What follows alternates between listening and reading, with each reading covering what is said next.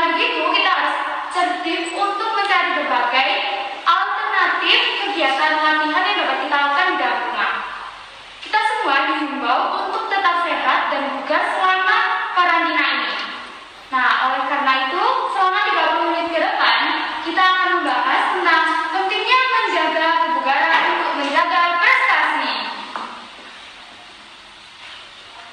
Pada kesempatan kali ini, saya sudah kedatangan seorang narasumber. Nah, ini adalah guru favorit saya di SMA 2, yaitu Bapak Andis. Selamat siang, Pak Andis. Selamat siang, Galin. Oke. Pak Andis adalah guru olahraga dari SMA Negeri 2 Batu dan juga kita kedatangan Mas Bagas dari Pokari. Halo Pak. Halo Mas Bagas. Oke, mas aja ya, jangan pak. Oh, oke oke. Ini sama sekali ya. Biar akrab ya Mas. Saya juga mau berterima kasih karena sudah menyempatkan waktu untuk kolaborasi dengan Auda Podcast ya Mas. Ya, thank you juga ya udah diberi kesempatan buat saudara. Seru banget pasti ya teman-teman. Pasti kalian udah penasaran kan apa sih yang mau kita bahas. Terus kali ini kita juga kolaborasi tuh sama Pok- Pokari Swag. Siapa sih yang nggak tahu Pokari Swag? Saya aja suka ya kan. Thank you loh. Oke. Nah, kali ini topik kita tuh penting banget Pak. Ya. Dan kebetulan dan kebetulan relate juga dengan keadaan sekarang. Jadi berhubungan banget. Apalagi saya tahu teman-teman saat ini tuh pasti apa ya excited, uh, semangat banget buat mengikuti tips apa sih yang bakal Pak Anies guru kita tercinta berikan. Dan juga apa sih sebenarnya yang harus kita lakukan untuk menjaga kesehatan kita di masa pandemi ini? Untuk menjaga kesehatan di masa pandemi seperti ini, kita tetap menjaga protokol kesehatan dengan sering-sering mencuci tangan, kemudian keluar memakai masker, jaga imunitas tubuh, ya.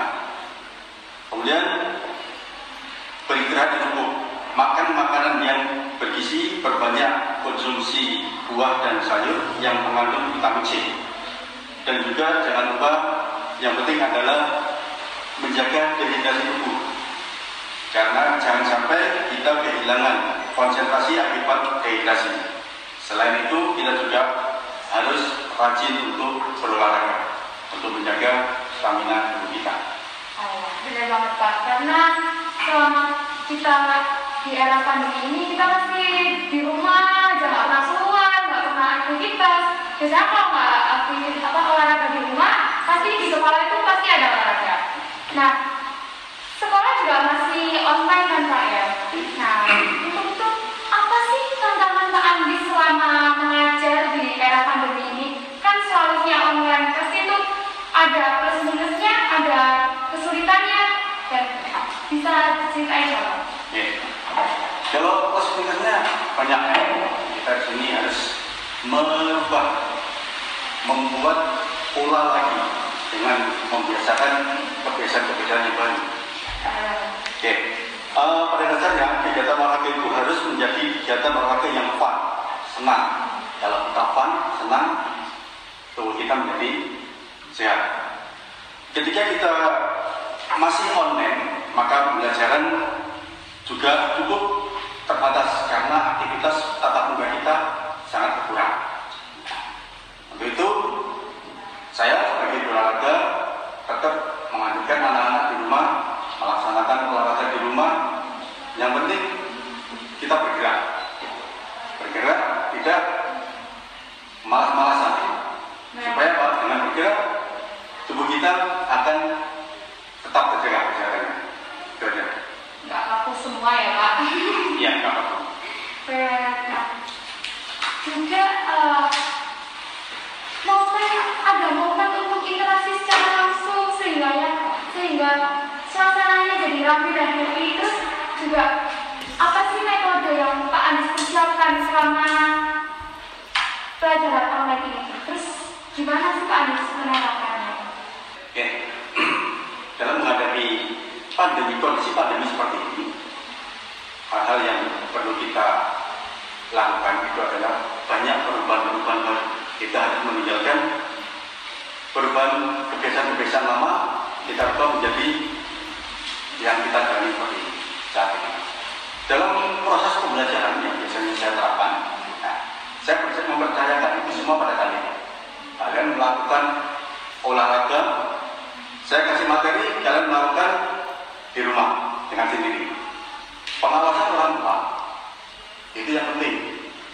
Biasanya kalian di sekolah bisa apa itu ada pengarang dari bapak ibu guru, ada materi dari guru.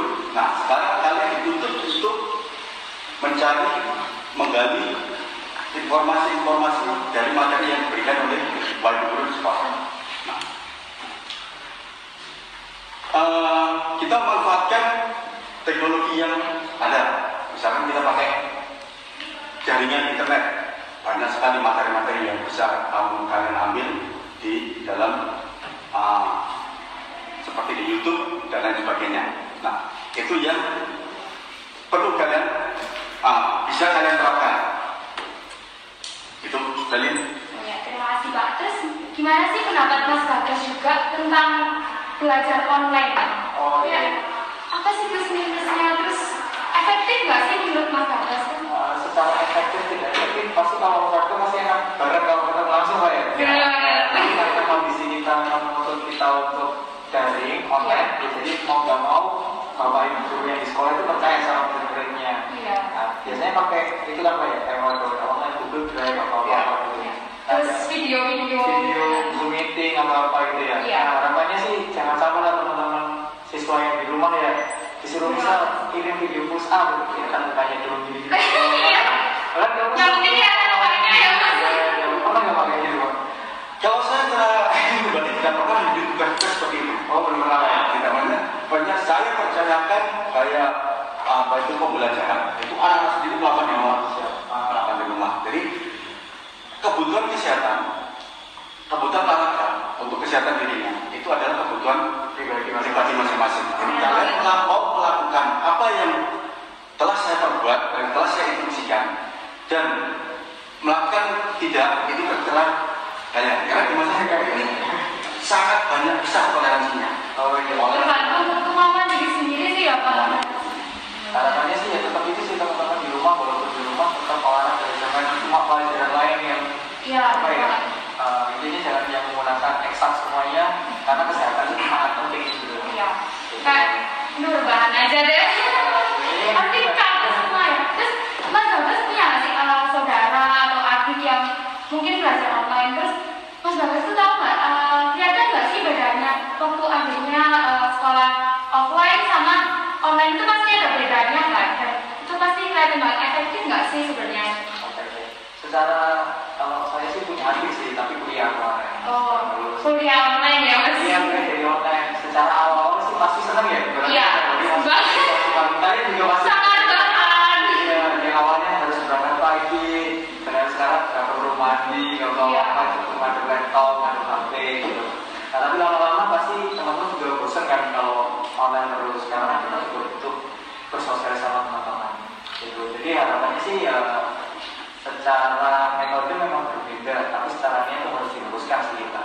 Iya. Bahwa tujuannya adalah mencari ilmu gitu. Jangan malah menggampangkan metode yang dibuat. ya Masalah me- apa ya kita tuh pakai kita tetap belajar tapi pakai atau memanfaatkan teknologi kita Iya. yang semakin maju ya mas Iya, ini. Iya. oke terus em, saya rasa kan teman-teman tuh pasti males-malesan tuh di rumah rebahan jangan jauh-jauh saya juga sukanya rebahan nah Pak Andi dan Mas Bagas punya nggak sih tips kayak olahraga olahraga yang ringan-ringan aja deh yang kita bisa lakuin cuma berdiri terus 15 menit udah selesai gitu. Gimana Pak Anies dan kamu? Pak Anies dulu. Oh, iya. Oke. Kabarin aja. Oke, kalau tips dalam menjaga kebugaran kita selama pandemi seperti kita usahakan, kita usahakan. Paling tidak seminggu tiga kali kita sudah melakukan aktivitas olahraga. Nah, olahraga apa yang uh, sekiranya cocok dilakukan untuk masa pandemi seperti ini? Tentunya olahraga-olahraga yang intensitasnya rendah sampai sedang, ya, rendah sampai sedang. Jangan yang berat. Oke, kenapa? Ada alasannya. Kita kalau berolahraga di luar kan wajib di masa seperti ini kita wajib pakai masker. Nah, nah. waktu olahraga pastinya tubuh kita banyak memerlukan oksigen untuk masuk. Nah, kalau kita pakai masker, pasti oksigen yang masuk akan berkurang. Dengan berkurangnya oksigen itu bisa mengakibatkan fatal. Seperti contoh banyak olahraga-olahraga di awal pandemi dulu ya. Oh iya. Awal pandemi dulu. Orang bersepeda, naik sepeda, olahraga. Maunya ya pakai masker. Nah ternyata ada kejadian-kejadian sampai bahkan sampai ada yang meninggal. Nah kenapa kenapa itu terjadi? Karena oksigen yang masuk ke dalam, ke dalam tubuhnya itu sangat berkurang. Dia pakai masker, tapi melakukan olahraga yang intensitasnya tinggi. WHO sendiri, WHO sendiri menyatakan di masa pandemi seperti ini menyarankan pada masyarakat untuk tidak melakukan olahraga berat, intensitas berat di luar. Olahraga intensitas berat bisa dilakukan, bisa dilakukan, tapi di dalam rumah. Olahraga berat bukannya dilarang, tapi disesuaikan dengan kebutuhan kita. Kalau seperti kita bukan ahli, melakukan olahraga sedang sampai ringan. Ya, eh ringan sampai sedang. Untuk yang atlet bisa melakukan olahraga berat, tapi dia harus melakukan di dalam ruangan. Protokol kesehatan tetap dijalankan. Intinya seperti itu. Oh, berarti tetap harus jaga jarak, terus juga eh, protokol kalau misalkan mau olahraga berat itu kita kalau bisa di dalam ruangan gitu ya Pak ya. Betul. Oke, apalagi di masa pandemi ini. Terus gimana sih kalau pendapatnya Mas Bagas? Ya saya nambahin aja sih dari Iya. Pak tadi ya. Benar Pak. Intinya kita selama pandemi ini memang walaupun kita kadang pengen olahraga yang rame-rame, Iya. kita ya harus mau nggak mau ngalah lah untuk kebaikan kita semua. Ya mungkin bisa dibantu dengan olahraga ringan di rumah mungkin ya Pak ya. Iya. Ya, misal jogging, jogging-jogging jalan bukan jogging keliling komplek yang jauh ya. Iya. Kita di lorong gitu kayak apa ya? Jalan di tempat Treadmill, paling nyaman kan? gitu. Iya. Kalau misal di rumahnya teman-teman punya treadmill bisa dimanfaatkan atau kemudian mungkin menggunakan exercise cardio misal push up, sit up gitu kan Skipping. skipping gitu misalkan gitu ya gitu sih Oke, terima kasih ya Pak Andri Pak Mas Bagas. Iya, Terus sama-sama. eh, kan kemarin sempat viral tuh yang sepeda di luar, terus juga olahraga di luar. Nah, mereka kan tetap pakai protokol kesehatan tuh, tapi tidak apa ya nggak sesuai, nggak disesuaikan dengan kalau di ruang di ruangan harus gimana, di, di luar ruangan harusnya pakai apa. Nah, gimana sih pendapatnya Pak Andis dan juga Mas Bagas? Kalau kita bahas soal uh, olahraga bersepeda, olahraga sepeda. Seperti yang sudah Bapak tadi, olahraga bersepeda bukannya dilarang, tapi tetap kita menjalankan protokol kesehatan karena olahraga bersepeda tidak mungkin dilakukan di dalam rumah, masih di luar rumah, di luar rumah kalau kita keluar, otomatis protokol kesehatan kita jalankan pakai masker. Nah, kalau kita kalau kita sudah pakai masker, kita harus tahu sendiri olahraga apa yang harus kita apa itu eh, seberapa besar tenaga kita yang akan kita gunakan. Kita pakai olahraga apa itu melakukan bersepeda itu dengan intensitas yang rendah sampai sedang. Ya, jangan sampai intensitas tinggi. misalkan balapan Oke, oke, ya.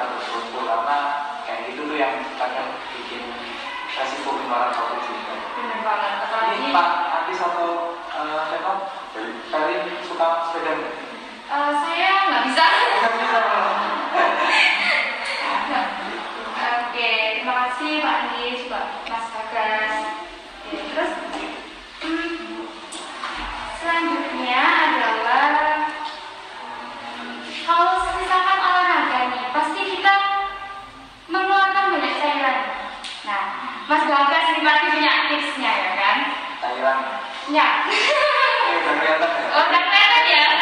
Udah, udah tidak tahu. Kalau ngomongin cairan-cairan nih, pasti kan kita mengeluarkan keringat banyak nih. Tipsnya dari Mas Bagas apa nih?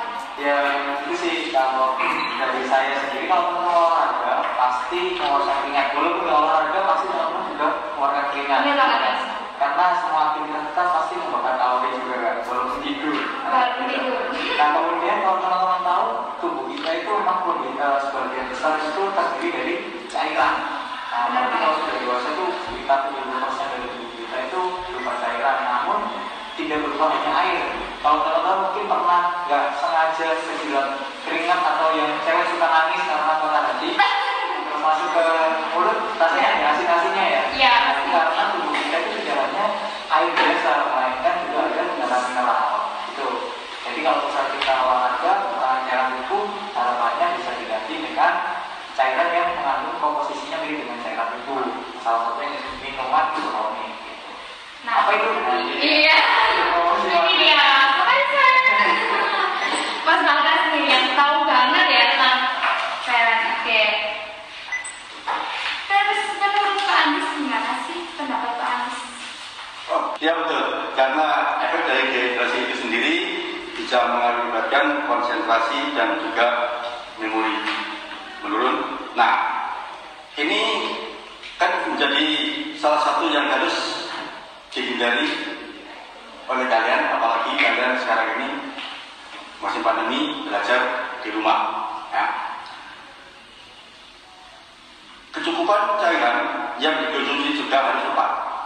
Jadi cairan yang kalian konsumsi itu juga harus tepat agar tubuh selalu terhidrasi dengan baik, terus menjaga kecukupan cairan elektrolitnya. Juga karena pada dasarnya cairan di dalam tubuh kita itu bukan hanya air saja, tapi juga ada ionnya. Itu kan itu. Oke. Terus kalau ion-ion nih. Ion. Mas Bagas nih yang paling tahu ya pasti. Ion. Oke, kita bahas ion Mas. Gimana gimana? Iya, jadi ion itu adalah mineral-mineral ya, tadi.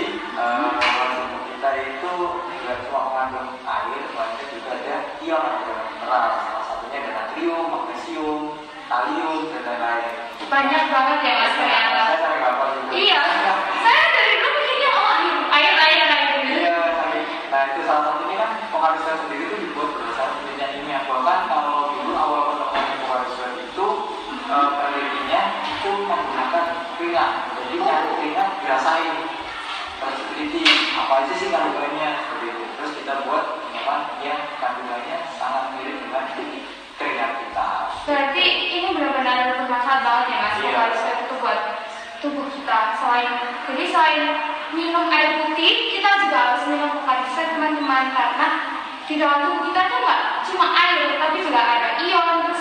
di dalam ion kita ini masih banyak lagi. Pasti anak ini tahu banget Iya, tentang kalau itu. Mas. teman-teman pernah merasakan mungkin ya yang suka traveling jauh minggu keluar kota, bandingin deh dengan air biasa atau teh Bener dibandingin banget. dengan Pocari Sweat. Kalau teman-teman, kalau saya yakin minum teh atau air biasa itu pasti sering pipis.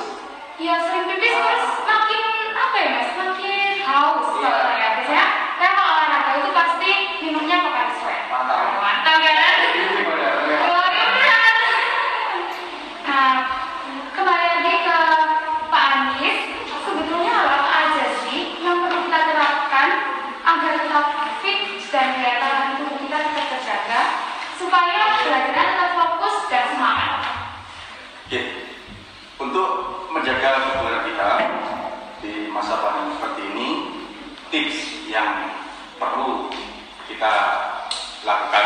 bahaya ya, yaitu banyak minum cairan.